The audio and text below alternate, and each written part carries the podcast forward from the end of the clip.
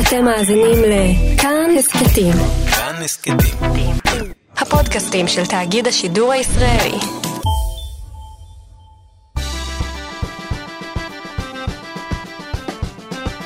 מה שקורה עם שירי לב-ארי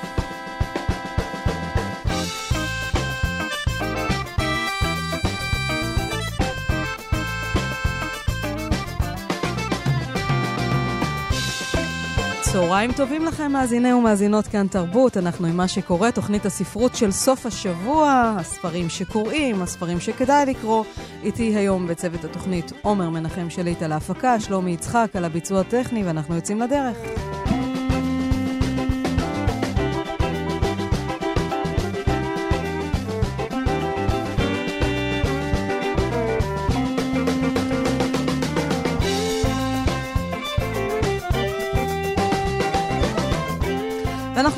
כמו בכל שבוע עם מבט אל רשימות רבי המכר. בתחום ספרי הקריאה ברשימה של סטימצקי אנחנו מוצאים את המטופלת השקטה של אלכס מיכאלידס. זה ספר שאנחנו נעסוק בו כאן בתוכנית היום. אחריו בית ליד הים של דבי מקומבר. הפיתוי של גרייסי שכתבה סנטה מונטיפיורי וצם עליך נפשי של נעמי ריגן שהייתה כאן בשבוע שעבר. בצומת ספרים, בתחום ספרי הקריאה, אנחנו מוצאים את שבע האחיות מאת לוסינדה ריילי. איתי החיים משחק הרבה, הספר האחרון של דוד גרוסמן, אישה מעבר לים של שרית ישי לוי, וכמובן המטופלת השקטה, כאמור, מטפל בספר הזה היום באופן שקט או לא, של אלכס מיכאלידס. ואם אנחנו מסתכלים על uh, ספרי העיון ברשימה של uh, סטימצקי, אנחנו מוצאים את להמציא מחדש הורות וחינוך של אייל דורון. אחריו 21 מחשבות על המאה ה-21 של יובל נוח הררי, שעשה רעש לאחרונה כאשר uh, הופץ ותורגם ברוסיה. סופה בדרך לאיראן של אילן כפיר. וברשימה של ספרי העיון בצומת ספרים, מועדון החמש בבוקר של רובין שרמה, אותו נזיר שמכר את הפרארי שלו, מיכה גודמן, חזרה בלי תשובה, וגם מרק רונסון, חוכמת האדישות.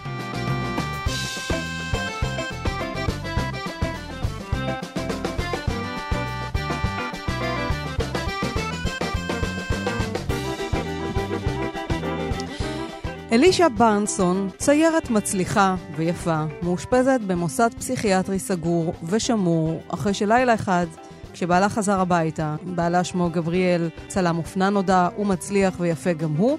הוא חזר הביתה, היא קשרה אותו לכיסא ורצחה אותו בשמונה יריות שריסקו את פניו.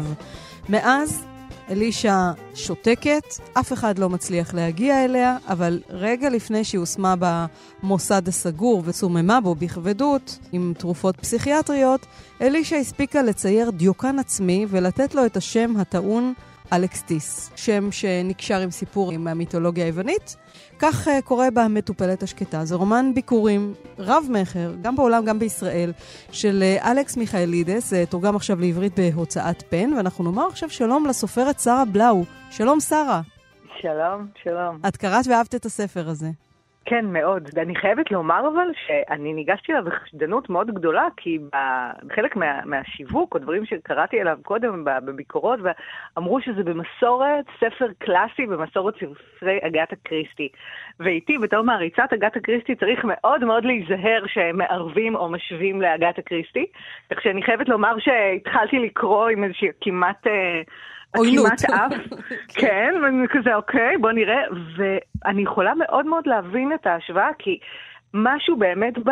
זה ספר, הרי הרקולה פורו הוא זה שנראה לי טבע אצלה את המשפט, שגם דיבר על הפסיכולוגיה של הדמויות, והוא אמר פעם, הוא אמר, בהקשר של הרצח, שתמיד מתרכזים ברוצח ומי רצח, הוא אומר, צריך להתרכז בנרצח. וברגע שמכירים פסיכולוגית, יודעים או מבינים מי הנרצח, הכל מסתדר במקום. לאט לאט יבינו, גם יפרמו ככה את כל חלקי חייו ויגיעו גם אל הרוצח. כלומר, להסיט ולא... את המבט מהנקודה הטבעית, שזה הרוצח, אל הנרצח, ודרך זה כן. לגלות את התשובות. זה אולי כן, מה שקצת צריך זה, לעשות פה. מה, מה, כן. הוא, מה, מה הוא עושה, איזה מין אופי, איזה אדם הוא.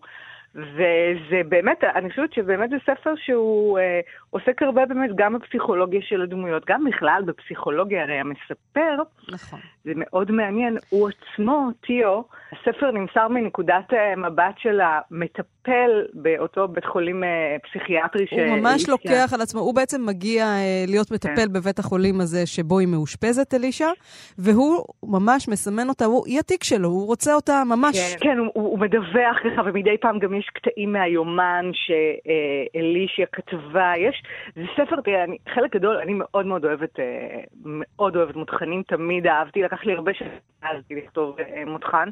אה, כי באמת אני חושבת שזו עבודה, מתייחסים לזה כאילו בקלילות, אומרים ספר ז'אנרי, אבל כדי לכתוב מותחן טוב צריך להשקיע הרבה מאוד אה, מחשבה, זו עבודה. ופה ממש הסתכלתי בעניין איך באמת אה, מיכאלידס, איך הוא באמת רקח את העלילה עם סוף, גם הסוף מאוד מאוד...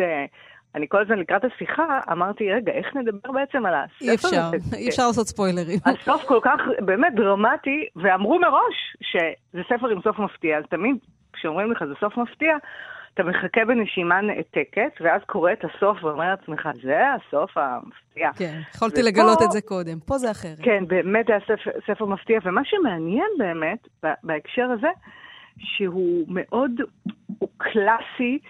הרבה מהמותחנים או מהספרות אה, הבלה שנכתבת היום, האמת יותר בעולם, יש המון עירוב של הטכנולוגיה ו... כן. כאן זה לא, כאן הכל מתרחש בין כותלי המוסד הסגור, כן. האפלולי, המסוכן. ובנפש, ובנפש, ובנפש. של הדמויות. לא צריך טכנולוגיה, לא צריך הרבה מה שבחוץ, הרבה כן, מאוד מה שבפנים. כן, אין סרטונים ששולחים סרטונים, ואז אתה צריך לעקוב, וטכנולוגיה. זה מאוד, וזה אני חושבת הכוח, אני באמת ניסיתי, אני מנסה לפעמים להבין שספר מצליח בעולם, בהצלחה כזאתי, ולא מדברת נגיד על איכות הכתיבה, זה ספר שהוא כתוב, יש בו משהו מאוד, uh, כתיבה ישירה ועניינית ומושכת לקריאה, אבל אני חושבת שיש משהו מעבר לזה, זה באמת קלאסי, זה מתעסק, זה לא... תשומת הלב והקשב של הקורא לא מתפזרת אה, באמת לעניינים טכנולוגיים או כל מיני להטוטים ספרותיים שהם הרבה פעמים מאיטים. פשוט ספר שכתוב כן. היטב, נכנס לראש של הדמויות, מעמיד דמויות מרתקות. כן, הוא גם עוסק בהרבה, את יודעת, נושאים שנראה לי מעניינים את, את, אז... את רובנו, עניין באמת של מערכות יחסים ממושכות, עניין של הצלחה. נגיד, אותי מאוד עניין, למרות שזה היה משהו אה, שולי יחסית בספר, אבל כן היה לו מקום, וזה עניין אותי שני בני זוג, אומנים, כל אחד בתחומו, מצליחים. העניין של ההצלחה, מה זה עושה לך, מי מצליח יותר, איך אתה מנהל את זה, מה קורה לקשר באמת של הרבה שנים. אה, זה נותן, העלילה, כלומר המתח, הוא לפעמים המתח משתלט כל כך על הספר, עד שהשאלה מי עשה את זה, מי עשה את זה, היא נהיית הכי חשובה, וכל השאר לא רלוונטי. פה, זה כמובן היה מאוד חשוב, ידענו מראש מי, מי עשה את זה. אבל לא ידענו אה, למה. למה, אז זה כבר אחרת, וזה באמת נתן מקום, באמת, זה העלה שם שאלות... גם הקשר של טיפול, נגיד. אני אקרא קטע קטן, כי בעצם המטפל תיאו פייבר, אה, שמספר את הסיפור הזה, מגיע לטפל באלישע, הוא נורא נורא מסתקרן ממנה, נכון? הוא, הוא אומר, היא כן. סירנה שקטה. כלומר, דווקא השתיקה שלה, היא הרי אחרי הרצח לא מדברת מילה. היא לא משתפת פעולה עם אף אחד, ואף אחד, גם מיטב המטפלים, לא הצליחו להגיע אליה בעצם, לא הצליחו להתקרב, והיא, כמו סירנה עם השתיקה שלה, מושכת אותם מטה. והוא נורא נורא נמשך ורוצה, לוקח אותה ממש כ case טיפולי, והוא רוצה לדעת לדעת מי, אבל לפני זה הוא מספר על עצמו. הוא אומר, שמי תיאו פייבר, אני בן 42, ונעשיתי פסיכולוג מפני שהייתי דפוק. זאת האמת. אם כי לא אמרתי את זה בריאיון לתפקיד, כשהציגו בפניי את השאלה. כלומר, בריאיון לתפקיד הוא אמר שהוא רוצה לעזור לאנשים. זאת אומרת, מובן שרציתי לעזור לאנשים, אבל זאת הייתה מטרה משנית, במיוחד בזמן שהתחלתי בהכשרה. המוטיבציה האמיתית הייתה אנוכית לחלוטין. הייתי במסע לעזור לעצמי. אני מאמין שזה נכון לגבי רוב האנשים שבוחרים בבריאות הנפש. אנחנו נמשכים למקצוע המסוים הזה, מפני שאנחנו פגועים. אנחנו לומדים פסיכולוגיה כדי לרפא את עצמנו. אם אנחנו מוכנים להודות בכך או לא, זה כבר שאלה אחרת. ואז הוא מספר על אבא שלו. הוא בעצם מיד נותן לך את ה... אה, סיכום, תמצית הפגיעה שלו. אבא שלו היה אדם אלים, שזלזל בו, היכה אותו, השפיל אותו, והוא הפנים בעצם. זאת אומרת, הוא התהלך בעולם בשנותיו הראשונות כאדם שבאמת אה, חסר ערך. אז הוא כבר מציג את הפגיעה שלו, והוא זה שבבגרותו נכנס לטפל באלישע. הוא כבר אדם נשוי, הוא נשוי די באושר, מתוארת לנו מערכת היחסים, אבל משהו בו, כנראה, אולי מתוך הפגיעה שלו, אני שואלת אותך, שרה, מה את חושבת, נמשך לאופל הזה של אלישע? כן, זה נכון, יש באמת, אה, זה ספר שנותן כבוד מאוד מאוד אה, גדול למקומות היותר אפלים בנפש, ליצרים היותר הלא מדוברים. הוא בהתחלה אומר על עצמו, הנה, המספר הראשי של הספר, המוביל, כאילו, זה ששולט בעצם באיך שהסיפור יספר, מיד אומר, אני אומר, אני דפוק. מיד, בלי, לא מנסה להסתיר את זה. ואגב, פתאום אני נזכרת, יש בזה משהו, אה, מי שנמשך עוד פסיכולוגיה, לא מה תגידי, אז אני למשל, ב, ללימודיי בר אילן למדתי אה, פסיכולוגיה. אה, ורבים מחבריי, את יודעת, לא הייתי, יש משהו כמעט בכולם, כל אלה שנזכרת בסטודנטים ש, שלמדנו פסיכולוגיה, בוא נאמר שלא בטוחה שאנחנו היינו האנשים הכי מאוזנים. הנה, אני דוגמה פה, אה, נראה לי עדות מאוד נאה של חושבת... כל מי שלומד פסיכולוגיה הוא אני אדם... אני חושבת אה, שכל כן. מי שלומד את התיאוריות מיד מזהה על עצמו את כל התסמינים כן, בפסיכולוגיה. אז כאן, כאילו, הוא, הוא, הוא אומר, אני רוצה לעזור לה, אבל למעשה הוא רוצה לעזור אולי לעצמו, לרפא איזה משהו אצלו. זה, זה אגב משהו שמתקתק מתחת, זה מה שיפה שהספר הזה, הוא מדבר בשתי קולות. יש את הסיפור באמת, הרובד של העלילה, אבל יש כל הזמן איזו תחושה, שרק בסוף אגב מבינים אותה לעומק. אגב, אני סיימתי את הספר הזה, קראתי אותו מיד שוב כדי להבין את, את הדברים, אז יש איזו תחושה באמת שיש את העלילה התקנית, המושכת מאוד לקריאה, אבל שמתחת יש איזה שעון יותר אפל, עם טקטוק בקצב אחר לגמרי, הוא כל הזמן מתקתק שם, שיש עוד משהו. והקורא, זה מאוד מעניין איך הוא עשה את זה.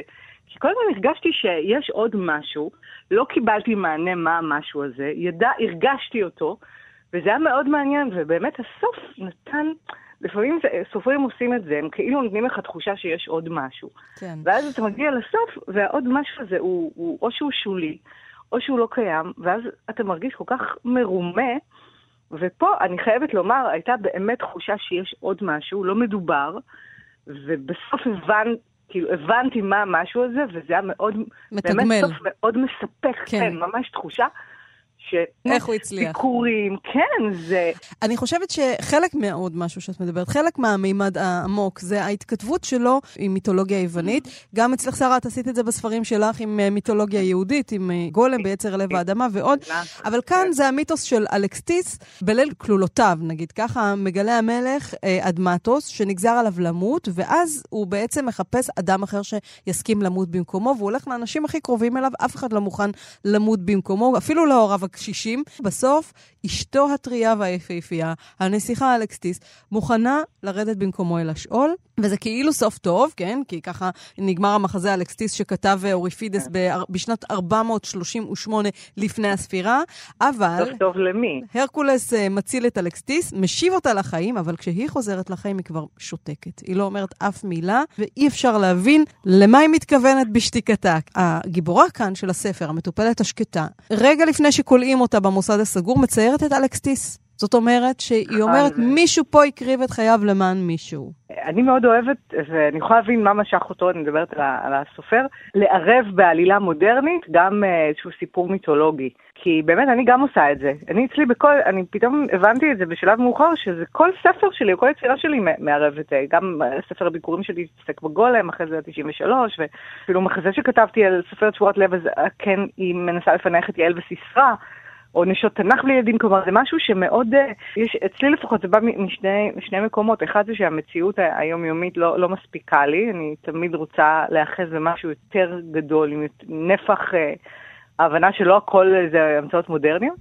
וגם הדבר השני, וזה מעניין אולי לשאול אותך גם מה נראה לך הוא רוצה, הדבר השני זה לקחת את היצירות או המיתוסים המוכרים, ולנסות למצוא בהם פנים... אה, פנים חדשות, לגרום לקורא אה, לחשוב עליהם אחרת. כן. פה אני חושבת שיותר הוא השתמש במיתוס הזה, של באמת האישה שמקריבה את עצמה למען בעלה, עוברת גיהנום ו- ומשתנה, היא חוזרת אחרת. אה, הוא השתמש בזה כדי באמת להגיד משהו על הקשר, אה, על הקשר של שלהם. של בני הזוג הזה, כן. כן, בהווה. כן. קשר ש... טוב, פה זה לא כזה ספוילר, רק אפשר לומר, קשר שכאילו היה מאוד uh, הצטייר כזוהר, אבל לאט לאט uh, כן. התגלה באופן אחר. אז כאילו הוא השתמש במיתוס הזה.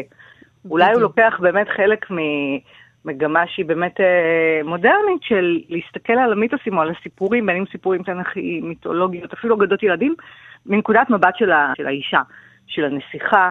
של בת הטוחן שנעולה שם בחדר. אפרופו האפלוליות הזאת של אה, אגתה קריסטי, כן, באמת הספר הזה מתרחש במקום מאוד אה, אפל, והסכנה ממשית, כי הדמויות שם הן אלימות, רובן יושבות שם על אה, רצח, וגם אצלך בספרים, דיברנו על זה קודם, גם אצלך אה, כתבת עלילות גותיות כאלה ואפלות, תמיד אה, נרצח מישהו, אם זה בנערות למופת, גם ברומן האחרון שלך, באחרות, אה, נרצחת אה, חוקרת אה, מגדר על רקע אולי סירובה להביא ילדים לעולם, אז יש איזה משיכה אל הצד האפל. קודם כל זה מאוד משחרר, הוא עניין אותי, מיכאלידס, אני לא יודעת עליו הרבה, אבל נגיד ראיתי אותו אה, מדבר ביוטיוב, הוא נראה כזה אדם נחמד וחמוד. אני גם אני מניחה, נכון שירי, אנחנו מכירות הרבה שנים, אני אדם מאוד נחמד. כן, אני מאוד, אני חושבת שאני מאוד נחמדה, אפילו הייתי מגדירה את זה כנחמדות כפייתית, אבל יש משהו, דווקא האנשים הכי נחמדים, אה, יש צדדים יצרים מאוד אפלים ורגשות מאוד אה, עזים ולא נעימים.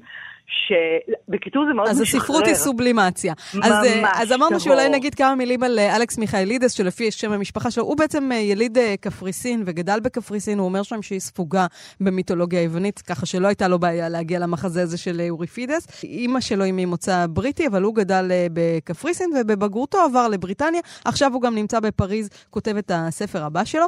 ומיכאלידס דווקא היה תסריטאי בהוליווד, הוא כתב שני תסריטים לסרטים עתירי תקציב, הקטן שאת מכירה, זה הראשון, וקומדיית פשע שנקרא The Brits are Coming, שבה כיכבו למשל אומה טורמן וטים רוט וסטיבן פריי, והוא התייאש מההפקות ההוליוודיות האלה, הוא אמר שזה יצא לא בדיוק מה שהוא התכוון אליו, והחליט לכתוב אה, ספרות, ואז הוא כתב רומן ביקורים, שזה זה, המטופלת השקטה, אבל הספר הזה לא אבל, הוא פשוט הפך לכזאת הצלחה, שחברת ההפקה של אה, ברד פיט, פלן בי, רכשה את הזכויות לספר, שתורגם בינתיים ל-40 שפות, כולל עברית, והוא הולך בעצם בעצם ברד פיט אה, להפיק את זה לסרט קולנוע. בימים אלו הוא מחפש במאי לפרויקט.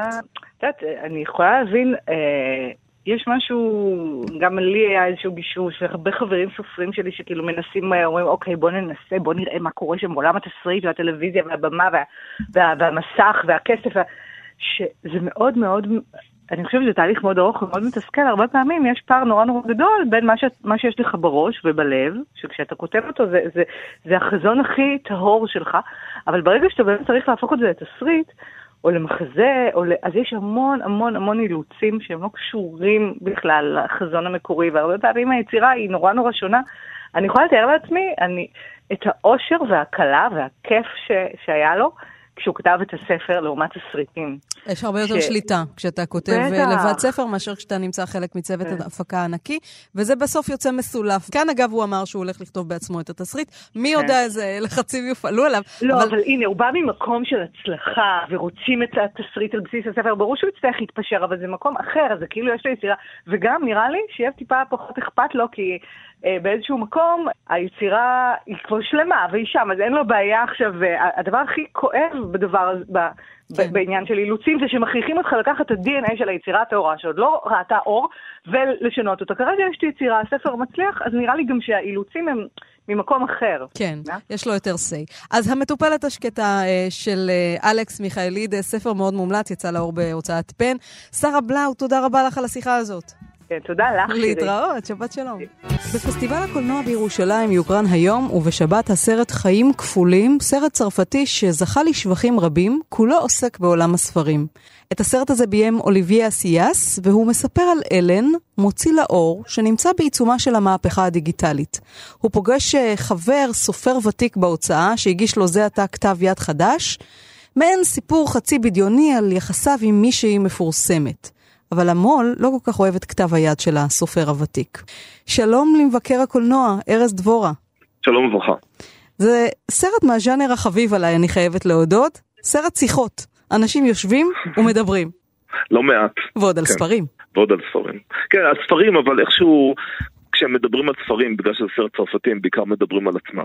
אז uh, באמת uh, סרט שעולם הספרים המשתנה עומד בו, אבל זה מין סרט עם יציאה צרפתית קלאסית, כי הוא נפתח בסצנה שבה שני הגיבורים, הגברים, נכנסים לביסטרו בסן ג'רמן, מפטפטים להם על ספרות וסוגיות אינטלקטואליות כאלה ואחרות, שותים יין, אבל מסתירים זה מזה סוד, סוד רומנטי, כי הסופר... בעצם מנהל רומן עם אשתו של המו"ל. המו"ל לא כל כך אוהב את כתב היד החדש של הסופר, אבל האישה דווקא כן. או לפחות האישה זה תמיד יותר, זה יותר מורכב מזה, זאת אומרת, כי, כי יש כאן, מה שיפה אני חושב בסצנה שאת מתייחסת אליה זה שיש שיחה שלמה שמתנהלת, שבה בעצם הם כאילו, המו"ל והסופר הם, הם חברים ותיקים, סוג של חברים. והוא בעצם, המו"ל כל הזמן אומר לו, נקרא לזה בצרפתית רבת רבדים, הוא אומר לו, אני לא אוהב את הספר שלך, אתה לא מתקדם לשום מקום, כבר קיבלתי את זה ממך, הקהל הקוראים שלך הולך ומצטמצם. והסופר לא ממש מבין את זה. ואז כשהשיחה מסתיימת, בעצם הסופר כאילו שואל אותו ממש ברגע האחרון, אז תפרסמו את, תפרסמו את הספר שלי, ואז הוא אומר לו, חשבתי שאמרתי לך שלא נעשה את זה. אבל זה באמת היה בשפה מאוד מכובסת, בזה שיש מעט קוראים והרבה ספרים, למשל, הוא רומז לו.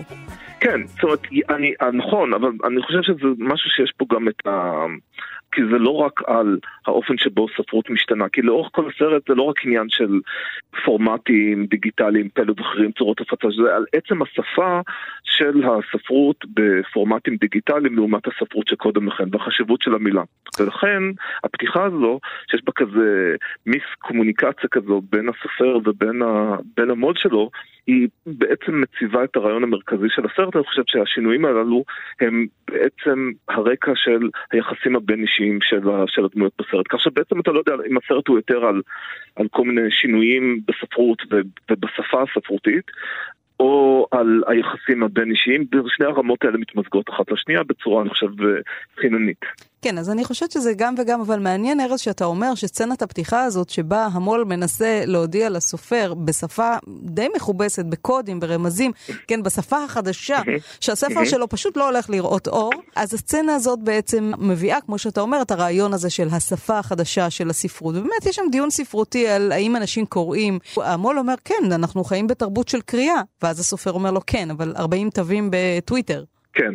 אני, אני חושב שהשפה שהמו"ל משתמש בה, אם נרשה לחזור לקטע, השפה היא לא השפה היחסית אה, קצרה, בוטה, חד משמעית, שהיא בדרך כלל זו של הכתיבה הקצרה בטוויטרים למיניהם, אלא להפך, בגלל שיש פה את אותו סוג של ריקוד מעודן כזה שבו מישהו מנסה לומר משהו למישהו בלי שהוא בעצם אומר אותו בשום צורה ישירה, ו...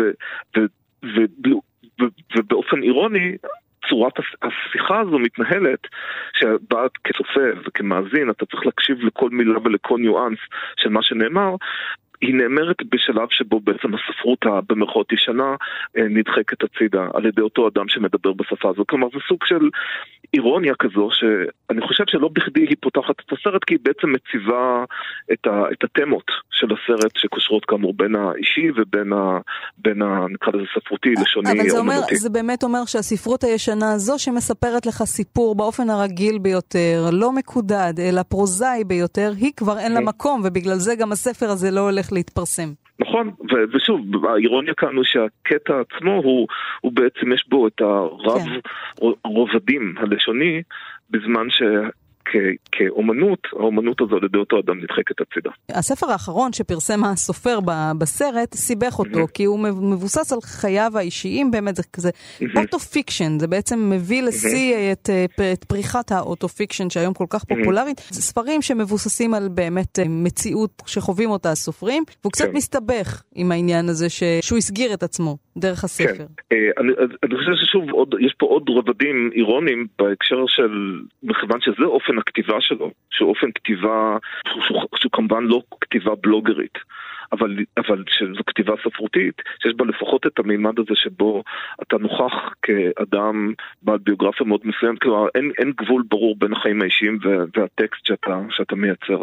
אבל הוא סופר של העולם הישן, ולכן הסיפורים שלו הם בעצם מנסים, ובצורה די מעוררת רחמים, בסרט אנחנו מבינים שאף אחד לא, לא מאמין לזה לרגע, וכולם קוראים את הדמויות שמאחורי הדמויות האמת, את האנשים האמיתיים שמאחורי הדמויות שנמצאות בכתיבה שלו. אבל מה שאני רוצה לומר שיש פה איזה סוג של אירוניה, בגלל האופן שבו עצם הכתיבה של אותו סופר, יש בה מימד שהוא לא של אומנות גדולה, אלא של מי שבדרך כלל מאבד כמעט אחד לאחד את החיים שלו עם שינוי שמות קל כזה.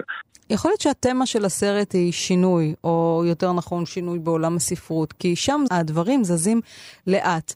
אחת הדמויות בסרט שואלת, למה בעצם שלא נפרסם רק ספרים דיגיטליים? עכשיו, יכול להיות שזה נכון, אבל עובדה שאנשים ממשיכים לקנות ספרי נייר, ואוהבים לגעת בדפים, והספר הדיגיטלי הוא משהו שמצטרף לספר הנייר. כלומר, השינויים בעולם הספרות הם קורים, אבל הם גם קורים לאט. כן, אני, ואני חושב שבגלל שיש כל הזמן את הצד השני של היחסים הבין-אישיים והאופן שבו אנשים מתקשרים אחד, הרי כל הסרט הוא בעצם, אני חושב בחוויה של הצפייה בו, הוא כמו סדרת שיחות סלון של בורגנים מאליטה האינטלקטואלית. יושבים ומדברים על, על הנושאים האלו שהם נושאי המיליה שלהם. אבל יש בתוך היחסים, בעצם בעוד שהספרות משתנה וצורות הארגון הלשוניות, הרעיוניות משתנות, יש איזו תחושה של איזה סוג של מעגליות בחיים של הדמויות האלה, שנכנסים ויוצאים ממערכות, בוגדים בבני הזוג שלהם וחוזרים להיות ביחד, ויש את הנונשלנטיות הצרפתית הזו שמאוד משמחת את הקהל שהולך לראות את הסרט הזה, שבה אנשים מגלים על הבגידות של בני הזוג ומתייחסים לזה באיזה סוג של, נקרא לזה שלוות נפש, לא, שלא מצויה בדרך כלל במחוזותינו. אז יש מול האלמנט הזה של השינוי בספרות ובשפה הספרותית, באמת בטכנולוגיה הספרותית, אז יש איזה משהו על, נקרא לזה היציבות, אפילו הייתי אומר המעגליות, באופי של הדפוסים של היחסים האנושיים. אז במילים אחרות, הספרות או הטכנולוגיה של הספרות משתנה, אבל הצרפתים, האופי האנושי, לא. כן, כי בגלל זה, זה הייתי קורא לזה, ולטוב ולרע הייתי קורא לזה דוגמה מובהקת ל... סליחה על ביטוי קולנוע בורגני. כן. כלומר, קולנוע, קולנוע ש, שבניחוחות שלו יש איזושהי אירוניה אלגנטית לגבי המעמד, האנשים, השכלתם, עמדותיהם, יחסיהם, האינטגריטי שלהם וכך הלאה. השם המקורי של הסרט היה אי-בוק, אבל בסופו של דבר אסיאס החליט לקרוא לו חיים כפולים. למה לדעתך חיים כפולים? מלבד כמובן דמויות שמנהלות רומנים מאחורי הגב וחיות חיים כפולים, אבל נראה לי שיש בזה עוד איזה מימד. אני חושב שהכפילויות הן בין החיים ובין הספרות גם באותה מידה. זאת אומרת, זה לא רק מה שאתה עושה מול בן הזוג שלך והוא נודע לו או לא נודע לו, אלא שוב, בגלל שיש פה תמיד את החיבור המעניין בין הרמה הזו של, ה, של היצירה והאופן שבו אתה בונה את הפיקציה של, שלך מול אחרים, מול, אפילו מול בני הזוג שלך, וגם במרכז האופן שבו זה מתורגם לכתיבה. אז אני חושב שבכן הכפילות הזו היא עובדת בשני הרמות האלה ובאופן שבו הן מתקשרות אחת עם השנייה.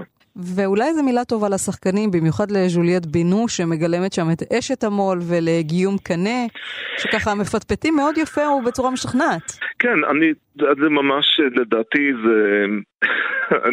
אני, חושב על כל השחקנים שעושים עבודות שמחייבות אותם להתרחק מאוד מאוד מאוד מאזור הנוחות שלהם, מהחיים שהם מכירים ולהיכנס, וזה נראה שהשחקנים הללו מכירים היטב את, ה, את המיליה, את, את בני הגיל, את, ה, את האינטליגנציה הזו, וקל להם מאוד לייצר בצורה אלגנטית את ה... לשחק את הדמויות האלה ולהיות מודעים גם לאופן שבו הסרט גם מסתכל עליהם ומודע לחודשות האנוש שלהם. אז הסרט מאוד מהנה, בוודאי ובוודאי לאלה שאוהבים ספרים ואוהבים uh, סרטי פטפוט. חיים כפולים של uh, אוליביה אסיאס uh, מוקרן היום. וביום שבת בפסטיבל הקולנוע בירושלים. ארז דבורה, מבקר קולנוע בוויינט, תודה רבה לך על השיחה הזאת. בשמחה רבה. להתראות.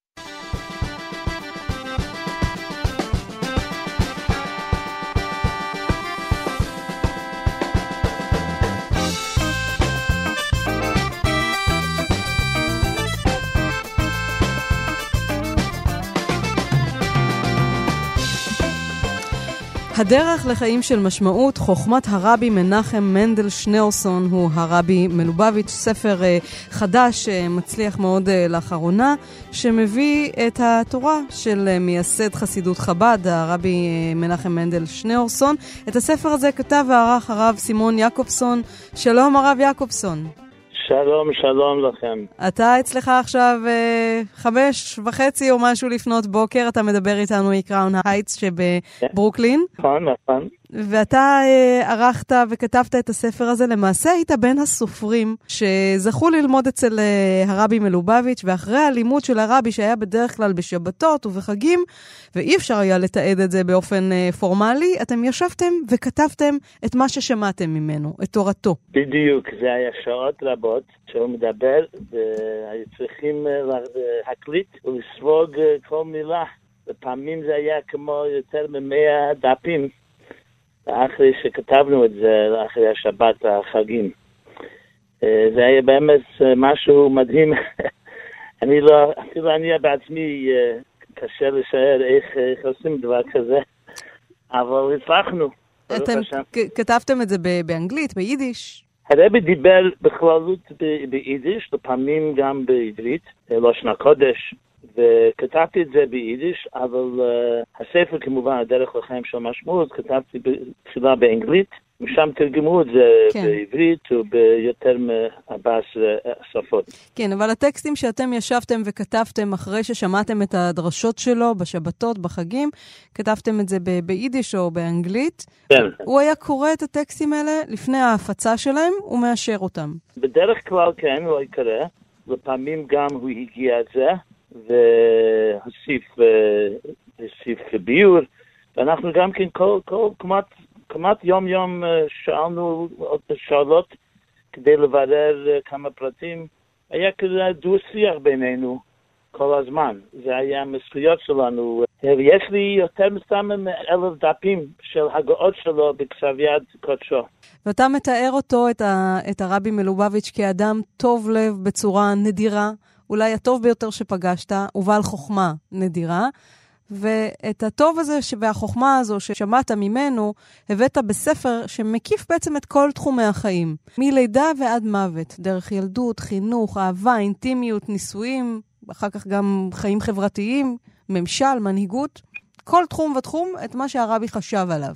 נכון. אה, אף שנולדתי פה בתור חב"ד בקרן הייטס בברוקלין, אבל אה, בעצם בטבעי אני יותר סקפטי. ובמילא אה, אצלי מה שמשך לי לכל העבודה הזאת, האנושיות של הרבי, שלא רק הוא היה דתי וגאון ומנהיג, אלא היה פשוט אה, איש עדין, הוא מאוד מאוד אה, סנסיטיבי לכל אנשים, כל חוגי, בכל חוגים, וגם יהודים ואין יהודים, וזה כאילו הענווה שלו והביטול שלו. זה מה שהשפיע עליי. כי יש הרבה חכמים בעולם, אבל uh, אין הרבה חכמים שהם גם כן uh, כזה ענבים ומרגישים ש, שכל התפקיד של החיים שלהם זה לא בעצמם ולא בעד כסף, בעד כבוד וכוח, אלא בממשלה, אלא פשוט להשפיע, להביא עוד בעולם שלנו. ואתה מצטט אה, סיפור אחד שהוא סיפר על אה, אב שחשש שהבן שלו מבזבז את אה, ימי נעוריו, ואז הוא לוקח אותו לטיול ביום בהיר אחד, ואז הם מגיעים לאגם. הבט הוא רואה איך כל הנוף, השמיים, השמש וההרים משתקפים במים, אמר האב לבנו. אחר כך טבל את ידו במי האגם ונגע כלות באצבעותיו באדמה. הוא ביקש מבנו להביט מקרוב באחת הטיפות שנטפה. בטיפה הבודדת הזאת אפשר היה לראות את השתקפות הנוף כולו. טיפה זו, אמר האב, דומה לרגע אחד. דקה אחת מכילה את התכונות של כל חייך. היא מיקרוקוסמוס של יום שלם, כפי שיום אחד הוא מיקרוקוסמוס של החיים. בהתאם לכך, עליך לכבד כל דקה. יפה מאוד. אני זוכר, הסבתא שלי, פעם היה איזה עיתונאי, היא שאלה לסבתא שלי, היה לה אה, תשעה ילדים. איך אתה מחלק אהבה לתשעה ילדים? אם היה ילד אחד, שני ילדים, וסבתא הביאה אותה דוגמה שאת קראת עכשיו, שאהבה זה לא דבר של כמות, זה כמו שמש שמשתקף בכל טיפה. כן. אפילו אם יש לי 20 ילדים, אפילו 100 ילדים, כל אחד יש להם כל השמש, כל האהבה שלי. זה הכוח של פרט, של הרבה אנשים חושבים שצריכים להפוך את העולם, לעשות דברים גדולים, אפילו כשאימא מדברת כזה עם, עם אהבה לילד קטן, או עושים איזה, איזה פעולה קטנה עם מישהו שצריך את זה. כן. הדברים האלו משתקפים כל החיים, כל כל החיים כולם ברגע המזוקק הזה. הרב יעקובסון, אתה, אתה מדגיש בספר הזה את המסרים האוניברסליים של uh, תורתו של הרבי מלובביץ', uh, ואולי של תורת החסידות בכלל. היה חשוב לך שהספר הזה יהיה לא רק עבור קהל uh, יהודי שומר מצוות, אלא גם עבור קהל חילוני, וגם בכלל אנשים שהם לאו דווקא מהעולם היהודי. איך זה יכול להיות? איך זה יכול להתאים? בהחלט, אין ספק, כי, כי אני חושב שזה מהדברים של... אה... איך אומרים את זה בעברית?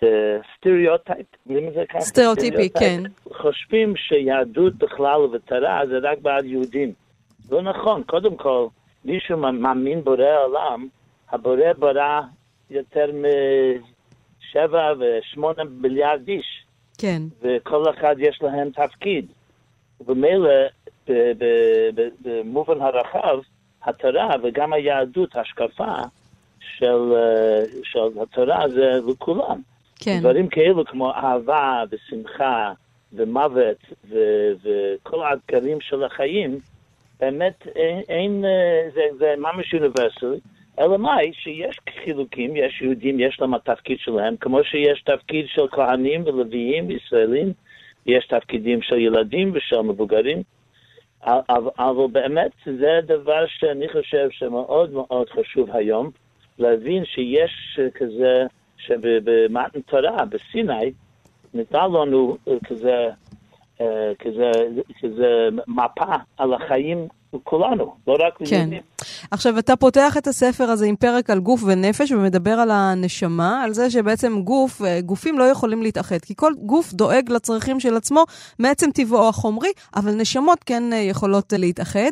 אבל יש כאן, אני ככה מזהה, אה, אולי בשונה מתפיסות חסידיות אחרות, כן, בחסידות, ששם נגיד יש מושג שנקרא עבודה בגשמיות, עבודת האל דרך הדברים הגשמיים, כמו אכילה, שתייה, ריקוד, מלאכת כפיים, כל דבר שאדם עושה בחייו.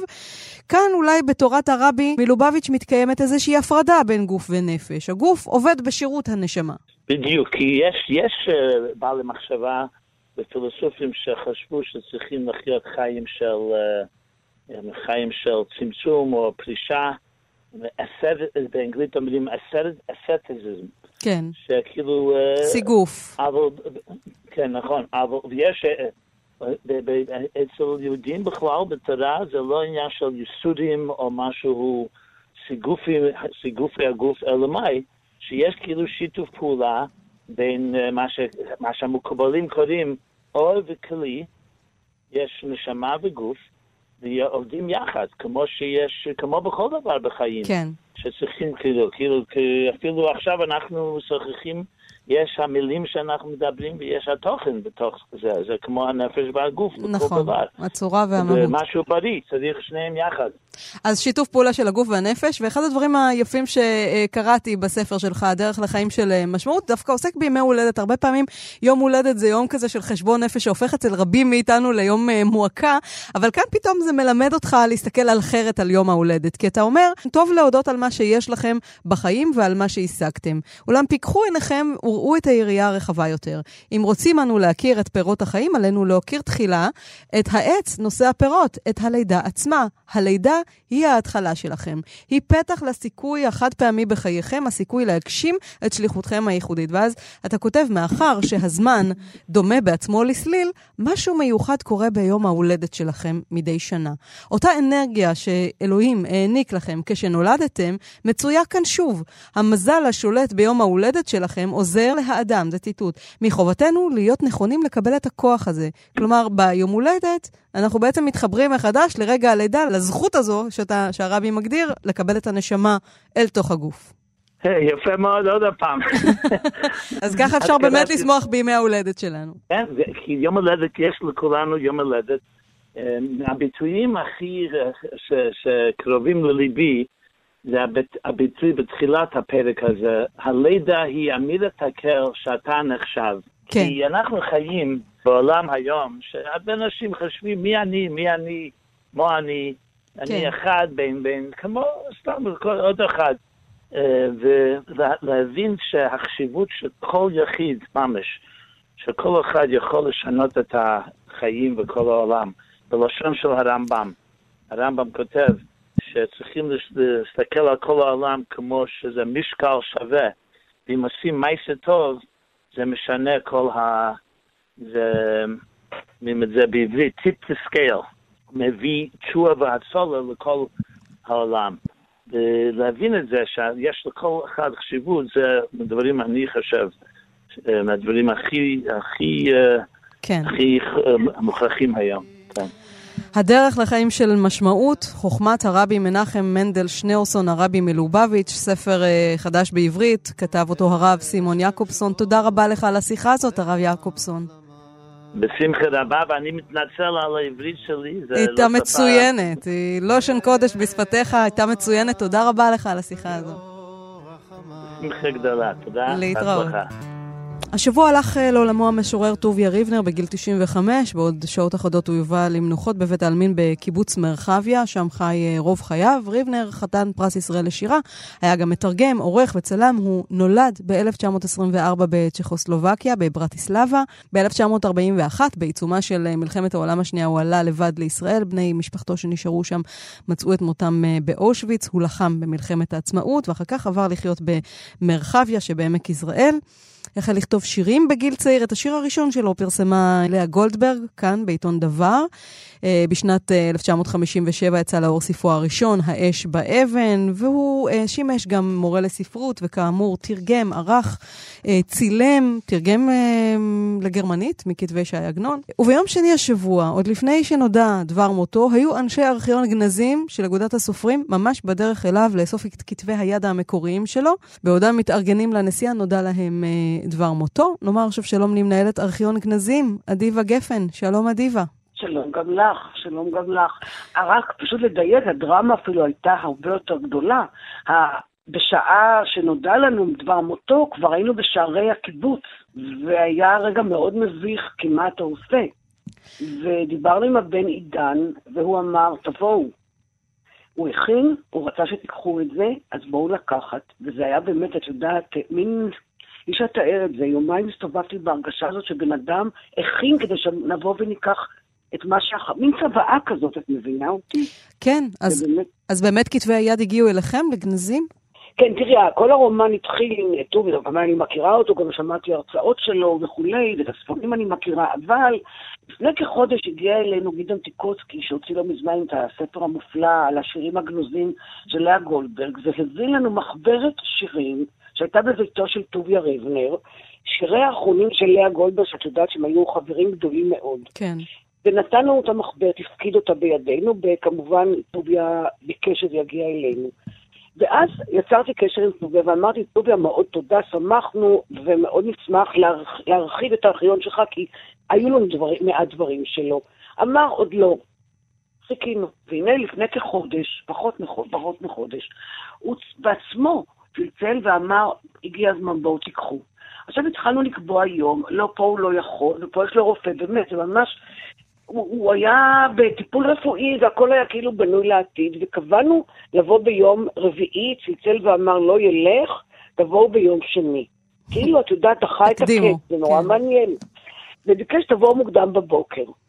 והכין, אני דיברתי להזכיר לו, צלצלתי לדבר איתו עם גלילה, להזכיר להם שאנחנו באים, הכין הכל מדויק. מה יש שם באמת בכתבי היד שהוא הכין? תשמעי, זה קודם כל הסדר, הוא הגיש לנו ממש ארכיון מסודר, מעטפות מעטפות, מאות שירים בכתב ידו, טיוטות בכתב ידו, זה משגע לראות איך הוא, את יודעת, דן עם עצמו ומשנה ומוחק ומוסיף ומעלה, אפילו על הדפוס שכבר מודפס הוא משנה, מכתבים, תראי, אחד האוצרות הגדולים שיש בגנזים הם מכתבים, אפרופו, שמעתי את השיחה הקודמת, אפילו מכתבים מהרבי מלובביץ' יש לנו, כן. הגיעו.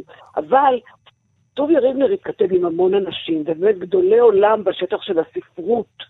אה, שלונסקי, לאה גולדברג, יעקב שבתאי, א' ב' יהושע, כולם שם כותבים ומגיבים לספרים שלו, מגיבים לכתבות שלו, המון המון מכתבים, וכמובן את העיתונות שהוא עשה, ומאמרים שלו, וכתבות שלו, הכל נמצא שם, אוצר. מדהים. אגב, אני, נראה לי שזה הישג uh, עבור גנזים להשיג את הארכיון של משורר חשוב כמו טוביה ריבנר, בטח הייתה על זה תחרות, למשל נגיד הספרייה הלאומית, שגם היא מכנסת אליה uh, כתבי יד וארכיונים אישיים של משוררים וסופרים. קודם כל אומרים קנאת סופרים תרבה חוכמה, גם כיתת ארכיונים כנראה תרבה חוכמה. תראי, אני חושבת שטוביה מצא את מקומו על המדפים שלנו, בן צ'רניחובסקי ורחל ולאה גולדברג, ואבות ישורון נמצא גם טוביה. דוגמה, באמת ענקי הרוח נמצאים בגנזים, ואנחנו בשיתוף פעולה מלא ומאושר עם הספרייה הלאומית, נסרוק ביחד, ננגיש לציבור, כלומר בעצם הדברים יימצאו בכל מקום. וטוביה בחר בנו, וטוב שכך.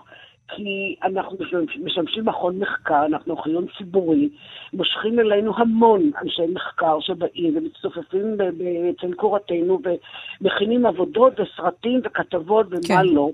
ואני חושבת שהוא ידע למה הוא רצה להגיע אלינו, ושוב אני אומרת, בלי כאן חלילה וחס לפגוע בשום מקום אחר, אבל בין שרנחובסקי ואבות ישורון יש כבוד גדול להעמיד גם את אה, הארכיון של אה, אה, טוביה ריבנר. אז הוא במקום, במקום טוב, במקום של כבוד. אדיבה, אולי תקראי לנו שיר קצר של טוביה. כן, רק אני רוצה לציין שהארכיון הזה הוא לא הספרייה הלאומית, אלא הארכיון של אגודת הסופרים. זאת אומרת, זה ארכיון כן. שהוקם על ידי האגודה במטרה לאסוף יצירות של סופרים כן. עבריים. אה, אני מצאתי שיר שאולי אה, לי עשה את ההרגשה שהייתה לנו באותו בוקר מסעיר. היו שלום, תודה כי באתם. מה חיי אדם לבדם, עם ליבו הרע, עם ליבו המח, עם עיניו הסתורות. נשוחח קמעה, נחיה כמו בהגדה. נחליף מילים ספורות, נאמר שלום. שלום, המים הפורחים, הלחם השלם. כן, הייתי. כאן, כולנו. כן, תודה. אני לא יודעת איזה פרידה כל כך יפה שהוא עושה, ואופטימית. כן. כן, הוא לא פחד. הוא לא פחד. הוא לא פחד, הוא כתב בעצם לא. ממש עד יום מותו. ממש כן. לפני כמה ימים עוד פורסם שיר חדש שלו על דפי uh, תרבות וספרות של הארץ. נכון, מכיוון ששוחחתי איתו לאחרונה הרבה, צלול כיין זך ונהדר, מקסים, אופטימי. ואגב, הבית הצנוע הזה, רק לראות את הבית המדהים הזה, הצנוע, מלא ספרים ויצירות אומנות. פשוט צנוע שבצנוע, בית קיבוץ של פעם, את יודעת, אפילו לא עם החידושים, אלא באמת כמו פעם, חלון גדול וכורסה יפה. טוביה ריבנר, משהו באמת מרגש. טוביה ריבנר והארכיון שלו הגיע לגנזים ממש השבוע, כן. עם אה, פרידתו מאיתנו בגיל 95, עוד אוטוטו ההלוויה שלו בקיבוץ אה, מרחביה. עדיבה גפן, כן, תודה רבה לך על השיחה הזאת. תודה רבה גם לך. ועם שוב שמש ירוקה, שיר שכתב uh, טוביה ריבנר ומבצע נתן סלור, לחן של מוני אמריליו, אנחנו נסיים את מה שקורה להיום. תודה לעומר מנחם שליט על ההפקה, לשלומי יצחק על הביצוע הטכני כאן באולפן שירי לב-ארי. שבת שלום. את עופות הכל, וכל זה חי בתוך עיניי, לעד זה חי בתוך עיניי.